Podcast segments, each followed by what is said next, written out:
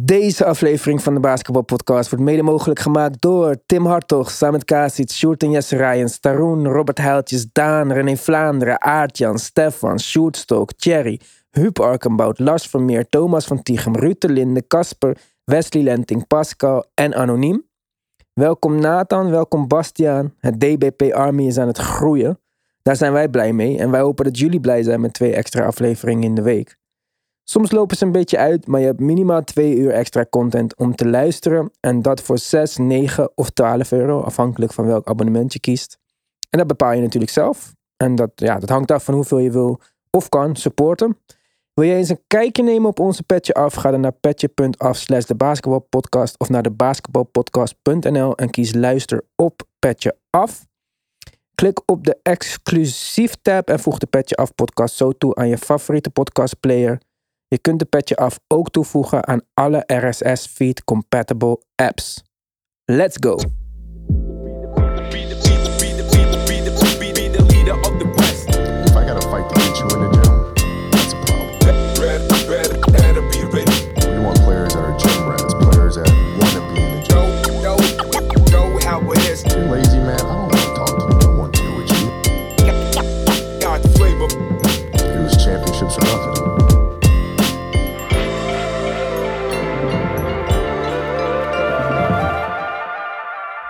De Bol-Bol trade is gecanceld. Detroit was niet gerustgesteld na het lichamelijke onderzoek en de fysieke keuring. Dus Bol blijft waar hij is. En ook Rodney McGruder, die naar Denver zou verhuizen, blijft dus voorlopig in de Motor City. Maar toch trade nieuws. De Hawks treden Cam Reddish, Solomon Hill en een 2025 second round pick naar New York voor een 2022 protected first round pick en Kevin Knox. Reddish wordt bij de Knicks herenigd met zijn vriend en Duke-teamgenoot RJ Barrett. Wie weet kunnen ze alle drie de Musketeers weer bij elkaar krijgen en een eh, mooie trade verzinnen voor Zion. Devin Booker had beef met de mascotte deze week. Ja Morant met een jonge fan. En Montres en KCP gingen zelfs met elkaar op de vuist. Laat ons weten wie jij denkt dat de Nate Robinson was in dit gevecht. Het kan op eh, Twitter, at de basketball, of op Instagram, at de basketballpodcast. We zijn op de helft van het seizoen en de Cleveland Cavaliers hebben net zoveel wedstrijden gewonnen in 41 games als vorig jaar in het hele seizoen. Het is ook echt een team effort. Acht spelers averagen meer dan 10 punten per wedstrijd. En ze zijn derde in defensive rating en zesde in de league in point differential. Cleveland heeft dan ook GM Kobe Altman een contractverlenging gegeven tot 2028. Coach JB Bickerstaff werd al vorige maand vastgelegd tot 2027. Clay's comeback game was de best bekeken regular season game op NBC en NBA TV sinds 2016. En het best bekeken NBA-moment op social media met 110 miljoen views verspreid over de verschillende platformen. Joel Embiid is de derde Sixer na Allen Iverson en Will Chamberlain die acht wedstrijden op rij 30 punten of meer heeft gescoord. George Hart heeft geen één van zijn 52 dunkpogingen gemist en heeft daarmee het record voor meeste dunks op rij zonder mis overgenomen van George Murrison. Nikola Vucevic scoorde meer punten in het derde kwart dan tegenstander Detroit Pistons met het hele team bij elkaar. Terwijl de Pistons in de laatste week al meer hebben gewonnen dan in de eerste twee maanden van het seizoen bij elkaar. Thomas Bryant keerde terug bij de Wizards. In 11 minuten van de bank had hij 6 punten en 1 rebound. En ook DeAndre Hunter is terug voor de Hawks na een polsoperatie. En ook hij kwam van de bank in zijn eerste wedstrijd sinds november en scoorde 15 punten. Damian Lillard gaat onder het mes. De point guard van de Portland Trail Blazers wordt geopereerd aan zijn buik. Over 6 tot 8 weken wordt hij geherevalueerd, maar de kans bestaat dat wij hem niet meer terugzien dit jaar. Clutchsports en Rich Paul zijn opnieuw het gesprek aangegaan met de Sixers betreffende een Ben Simmons trade. De uitkomst was echter weer hetzelfde. Ben Simmons wil niet spelen en de Sixers willen hem alleen traden voor een All-Star caliber speler. Er waren ook geruchten dat de Sixers Simmons met Tobias Harris samen wilden traden, maar volgens Brian Windhorst is de groeiende mening onder NBA-executives dat de Sixers wachten tot de zomer om een sign-and-trade deal met James Harden te proberen.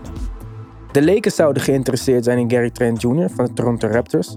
En verbaas je niet als Malik Monk wordt betrokken in die trade. Monks contract loopt af dit jaar en de Lakers hebben zijn bird rights niet. Dus kunnen hem van de zomer maar 2,15 miljoen dollar aanbieden. Met Monks recente prestaties op het veld lijkt dat iets wat aan de lage kant. Dus wie weet kiest Rob Pelinka eieren voor zijn geld.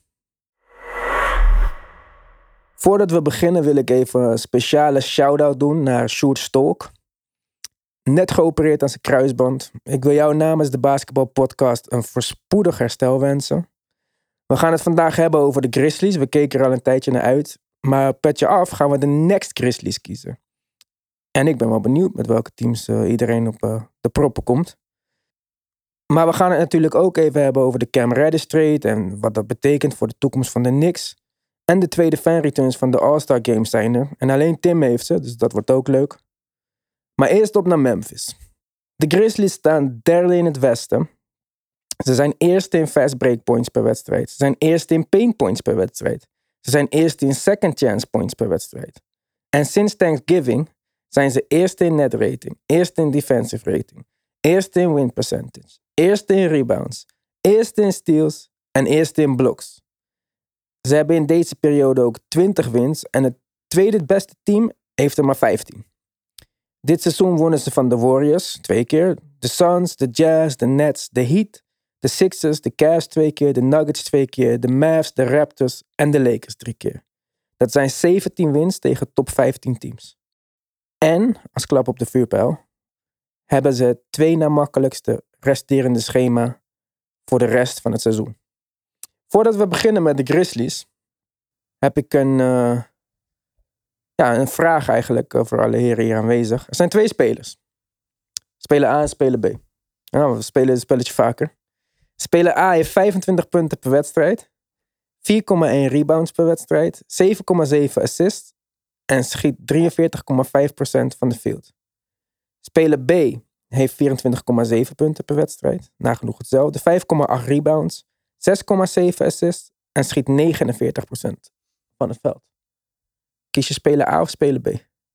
Nee. A of B? A. Tim? B. Mark? B. Nick? B. Speler A was MVP-jaar Derrick Rose. En speler B is Jamorant dit jaar. Ja, met 22 jaar 154 dagen is Jamorant de jongste speler ook in de geschiedenis van de NBA met minstens 25 punten per wedstrijd tijdens een 10-game winning streak. En we vroegen het al op, uh, op Instagram, is Jamorant een MVP-kandidaat of niet? En dan bedoel ik in de MVP-conversation, niet als in de nummer 1 kandidaat. En ik vond het een beetje verrassend eigenlijk. Maar 53% zegt ja. 47% dus nee. Maar die rekensom had je zelf al gemaakt waarschijnlijk. maar ik uh, vind het toch wel duidelijk dat hij in die conversation is. Of niet? Zie ik dat helemaal fout? Ik denk van niet. Ze hebben wel acht wedstrijden van de tien gewonnen zonder hem. Dus niet alsof hij de enige Acht reden van de is dat... tien? Ja, ze hadden tien wedstrijden zonder hem. En ze hadden acht van die tien gewonnen. Voor deze run. Dus eh, voor mij niet per se tot, mm, tot nu toe. Oké, Nick? Mm, ja, de concurrentie is eh, erg hoog natuurlijk. 25, 5 en 5 is heel bijzonder, maar ja, dan kom je in de, in de categorie met eh Steph en- 25, 6 en 7. 6 en 7. Ja, ja, maar ik had een grafiekje gezien van wie allemaal in de NBA 25, 5 en 5 had. Ja. En dan zit je wel met eh, heel goed gezelschap. Maar ja, om MVP, nu begint hij zijn case, zeg maar, voor mij. Dus als hij dit kan volhouden, dan mag hij aansluiten. Maar Ik had verwacht dat ik de minst enthousiaste uh, Jamorant persoon was in deze kamer. Maar Ja. oké. Ik had ook even... Want ja, toen Jamorant geblesseerd raakte, Mark zei het al. Toen kwamen er ook kansen voor andere spelers natuurlijk. En in die tijd heeft Aaron Bain zich echt ontpopt als een eh, scorer.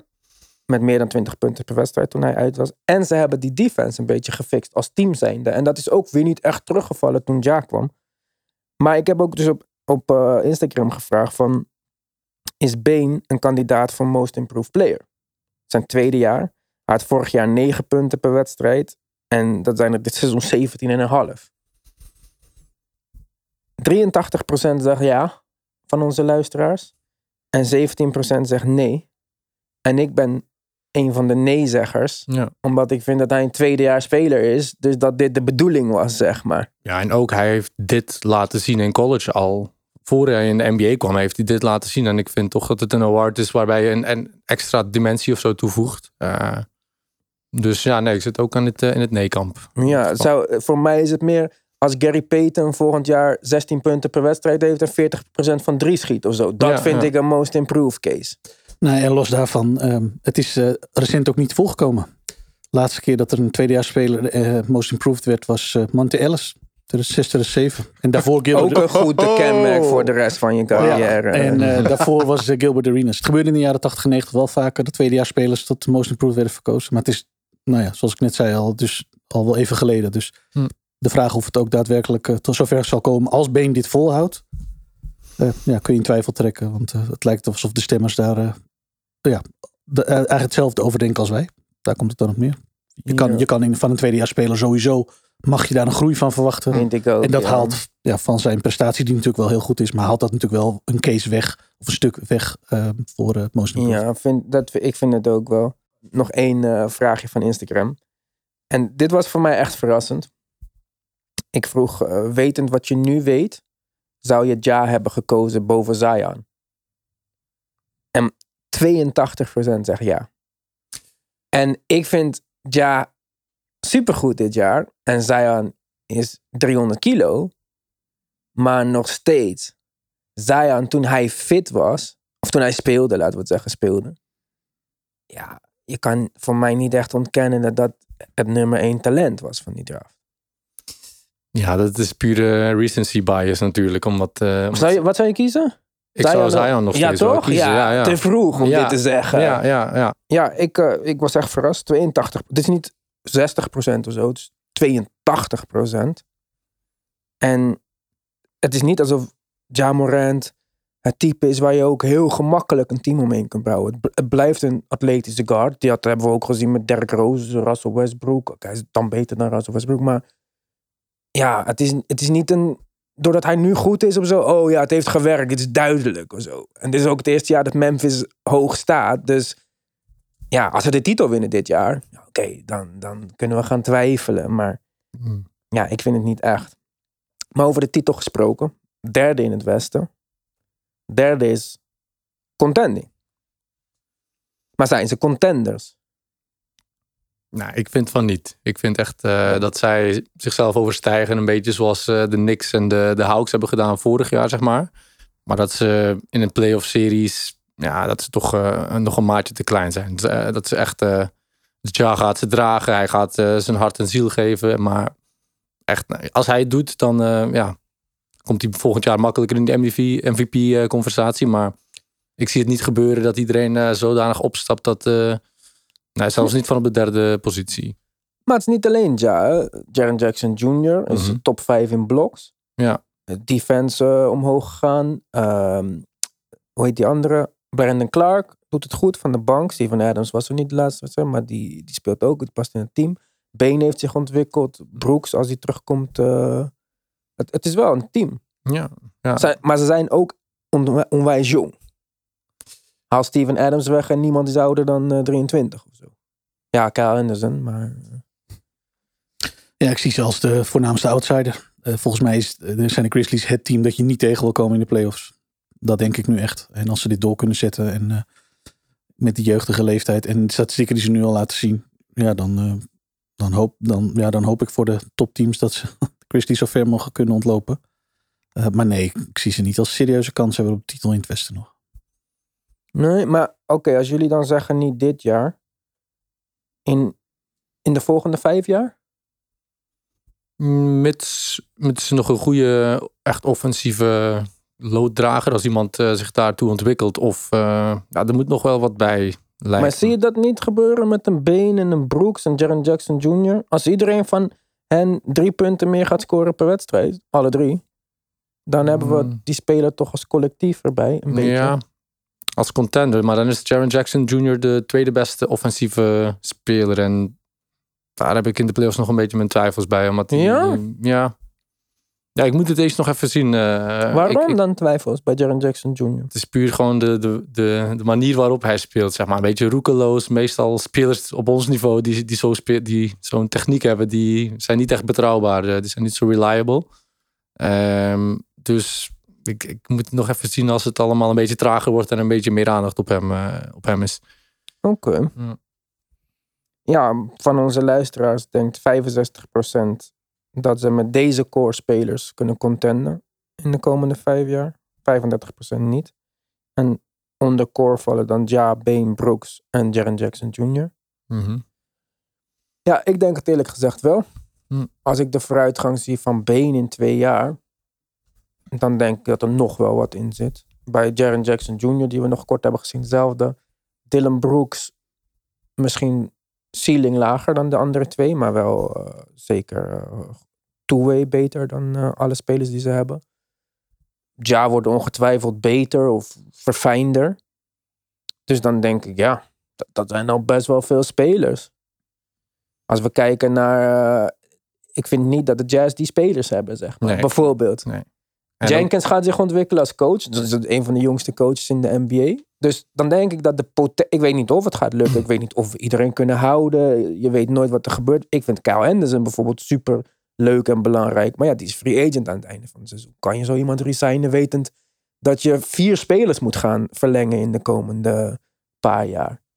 Maar puur op potentie gezien... potentie en Ja. ook ze hebben die, die chip on hun shoulder natuurlijk. Hè. Ze hebben echt iets te bewijzen. En nu ook tegen de Warriors. eh, vanwege wat Iguodala had gezegd dat hij niet bij de, de Grizzlies wou spelen, zeg Ja. maar. Dat nemen Oh, ik wist niet eens dat, dat, had ik niet eens, eh, die Ja. connectie had ik niet eens gelegd, man. Dus dat, dat nemen ze hem zo kwalijk dat ze gewoon, ze willen ze gewoon kapot maken. En dat wordt toch een grootste rivaal in het Westen de komende jaren, de, de Warriors. Eh, Dus dat zijn wel extra dimensies die, die Ja Morant zijn vuur nog wel wat meer eh, gaan aanwakkeren, denk ik. Dus en oprecht lol met elkaar. ja, ja, Ze zijn ja. echt blij voor elkaar allemaal. En het meest trash-talking team in de NBA. Ja, ze hadden eh, LeBron ook ja, gemaakt. ja. eh. Dus dat zegt wel wat over de geest van het, eh, van het team. eh, ja. Ja, ik denk ook wat ze zeg maar vooruit gaat helpen in de aankomende vijf jaar, waardoor ik het ook eens ben met jou, Ivan. Is dat ze hebben nu al een identiteit. Ze zijn zo Ja. jong, maar ze hebben al een identiteit. Ze zijn soort van, noemen, ze- worden ze ook wel de nieuwe grit and grind Grizzlies ja, genoemd. baby Wel grid and grind op een andere beetje. manier natuurlijk. Ze Mhm. spelen veel sneller dan die oldschool Mhm. Grizzlies.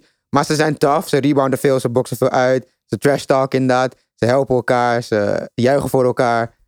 Ze hebben nu al een identiteit. En als ze allemaal beter worden in de aankomende vijf jaar, inclusief coach, dan eh, zijn ze heel gevaarlijk, denk ik. Ja, Ja, en denk ik moet wel. ook al bekennen, ik, ik heb volledig die 10 game winning streak gemist. dus, Oké, Dat- nou, dankjewel dat je er bent vandaag, Nou, Nick. Eh, niet gemist, maar ik heb hem niet live op kunnen volgen zoals ik Ja, het had gewenst. je Dus zat er niet in. eh. Nee, nee, inderdaad. Dus als je dat ziet, oh, vijf en zes, en dan ga je nog meer kijken, zeg maar.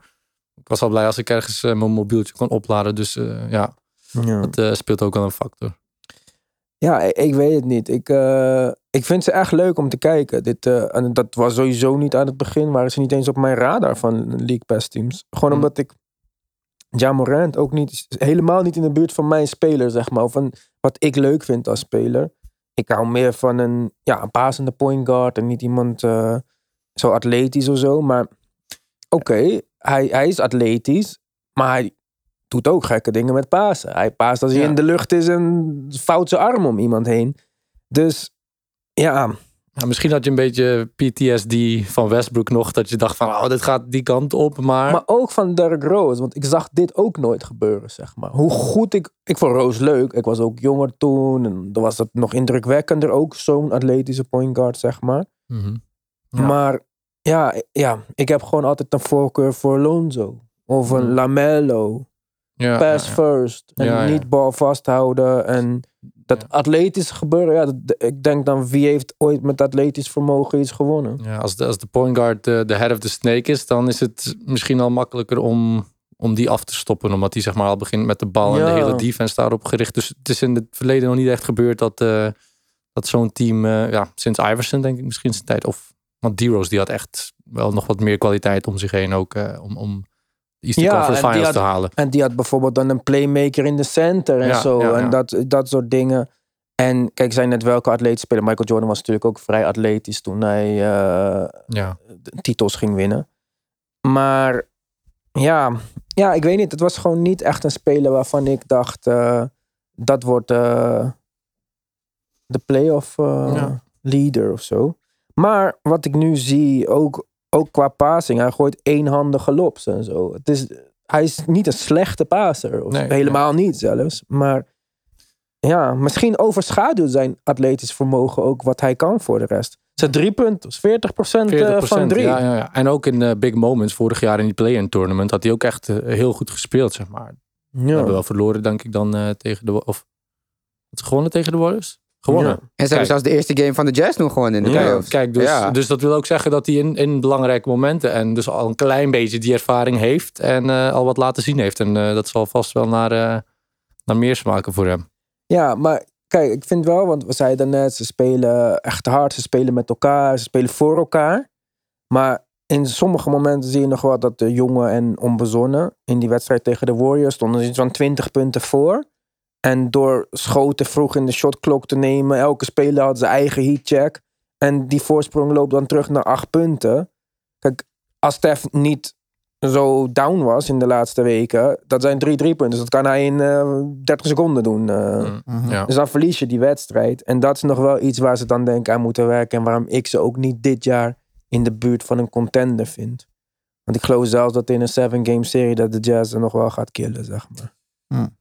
Ja, ja, ik weet niet, het botert nu niet helemaal in de, eh, bij Utah, maar ja, ik snap, wel, ik snap wel wat je bedoelt. Dus ze ja. moeten v- v- vooral eerst volgend jaar bewijzen dat dit jaar geen vloek was of zo, of geen eh, geluk was. En dan het talent verder ontwikkelen. Ja, er moet echt wel nog een. eh, en dat moet been zijn. En ik, het kan wel, zeker. Ja. Jij geloofde niet in mijn been. Ik heb dit tegen jou hem- verteld anderhalf ja. jaar geleden. Ik had hem niet gezien. Ik had hem niet zo opgemerkt. maar ik heb er wel wat dieper in de ge- ge- Nou, onderzoek gedaan. Andersom. Kleine, kleine wingspan eh, zag ik wel. En dat vind ik dan wel een beetje meer underdog. Want daardoor was Goeie hij zo shooter. Hele goede shooter. En ze dachten dat hij geen, geen goede verdediger ging zijn. Omdat hij zo'n kleine wingspan had. Mhm.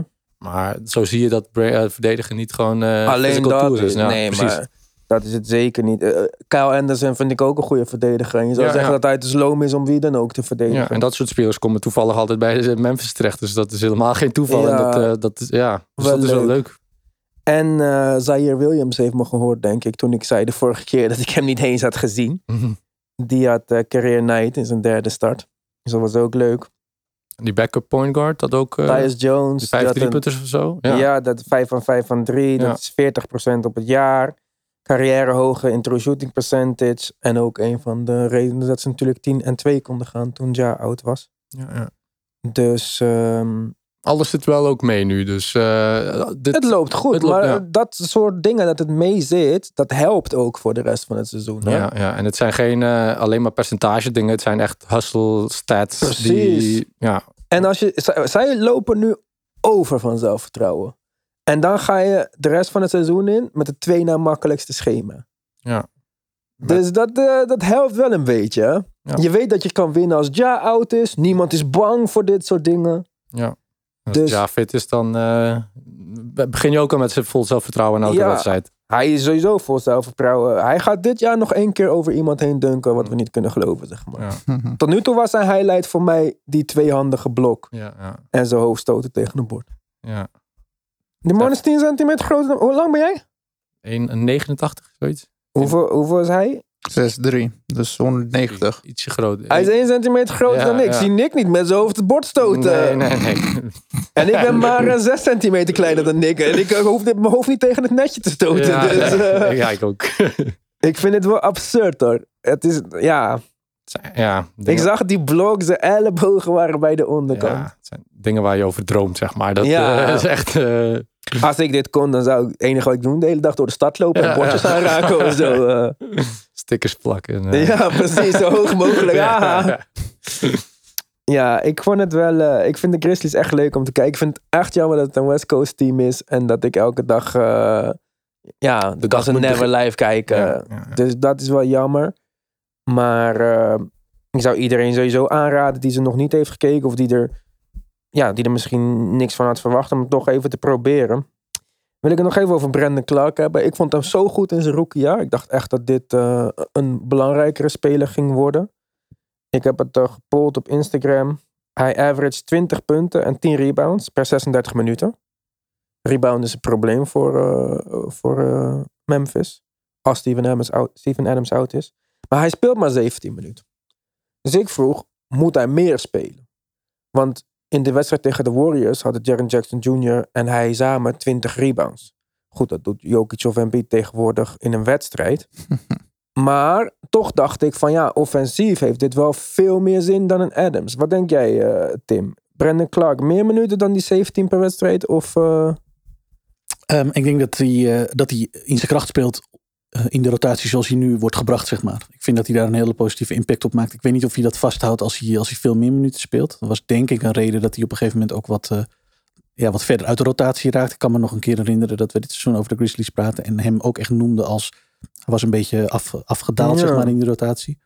Uh, dus ik zie die rol eigenlijk wel zitten van hem. Uh, hij, hij maximaliseert dat enorm.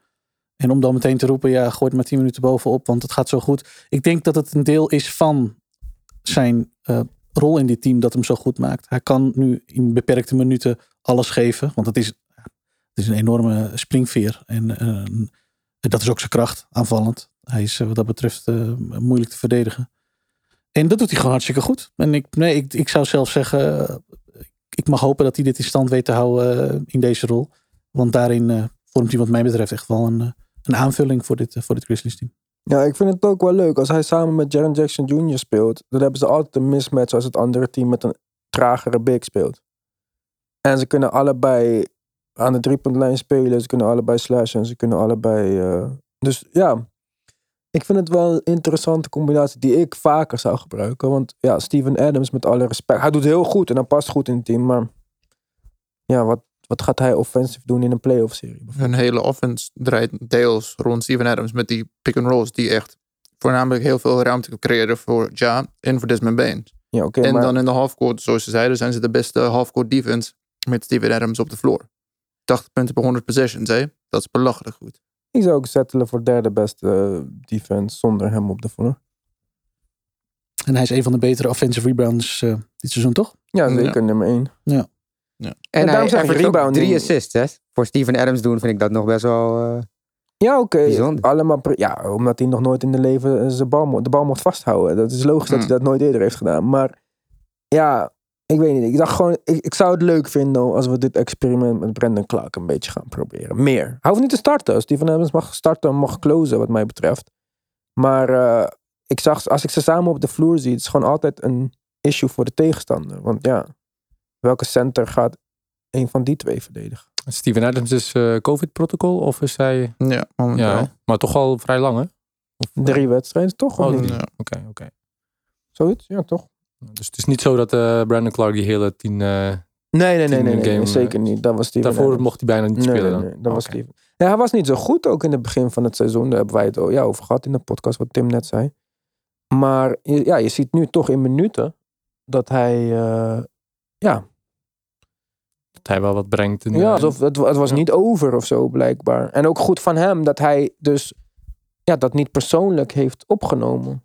Ja. Zoals bijvoorbeeld, uh, niet dat het daar goed loopt, maar bij de Hawks John Collins en Cam Reddish wel hebben gedaan, die een grotere rol wouden. Ja.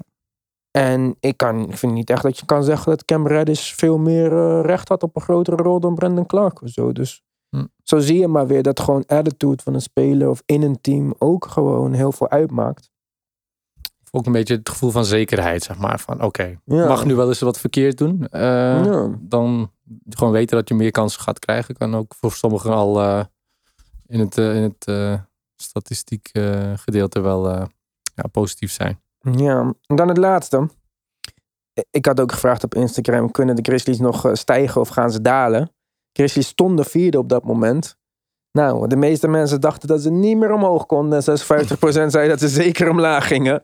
Eén dag later hebben de Jazz een wedstrijd verloren en staan ze gewoon lekker derde al. Ze staan wel achter de Warriors en de Suns. Uh, Suns hebben negen wedstrijden in de loss column. Warriors 10 en de Grizzlies veertiende. Dus hoe haalbaar vinden wij het dat ze nu nog gaan stijgen?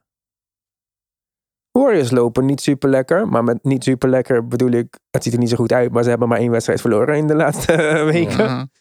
Zonder Draymond. Zonder Draymond ook nog. Die ook maar een kuitblessure heeft.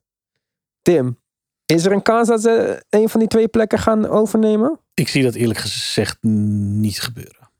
Nee? Um, omdat ik ze. Ik, ik denk dat dit ook wel een beetje hun, hun ceiling is nu. Uh, ik denk ook dat er niemand is die überhaupt van tevoren had voorspeld dat ze überhaupt een derde plek zouden, zouden vasthouden in het Westen.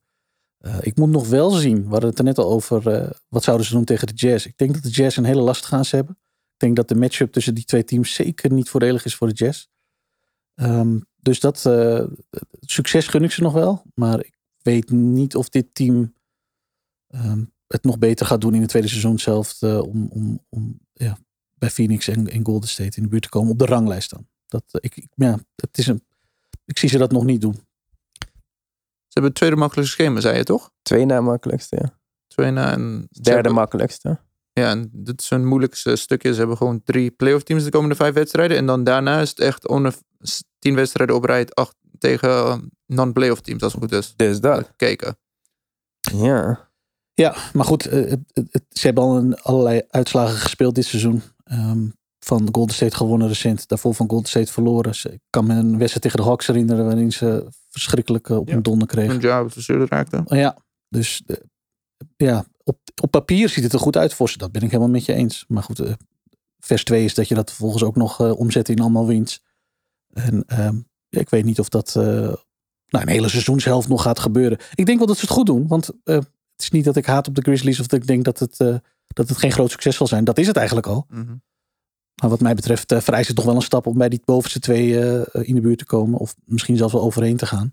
Eh, ik zou het leuk vinden. Begrijp me niet verkeerd. Maar ik zie het eerlijk gezegd nog niet direct gebeuren. Ja, ik, eh, ik had een mooie stat, maar die kan ik niet vinden. Volgens mij is Phoenix in de eerste eh, periode van het seizoen, toen ze 19 en 3 waren, hadden ze de derde beste offense in de NBA, maar in de laatste periode de zeventiende. Dus Phoenix is een beetje trending down. Eh Steph is een beetje trending down. Alleen op basis van dat zou ik zeggen, wie weet. Maar goed, wie weet, dat geldt ook voor eh, wat het nieuwe wat de nieuwe, wie de nieuwe Grizzlies worden. Wat zijn de next Grizzlies? Dat gaan we zo bespreken op Petje Af. We gaan het hebben over de Cam Reddish trade. Toch weer een beetje die New York eh, die er tussendoor komen. Ook al had ik Julius Randle genegeerd vorige week. En eh, natuurlijk over die All-Star fan eh, returns. Die wij eh, nog niet weten. Tim gaat ze zo meteen aan ons mededelen. Dus onze reacties zullen spontaan en genuine zijn. Tot maandag. Dan zijn wij er weer. En hopelijk zien wij jullie ook op Petje Af. Petje.af slash de basketbalpodcast. Fijne dag en een prettig weekend.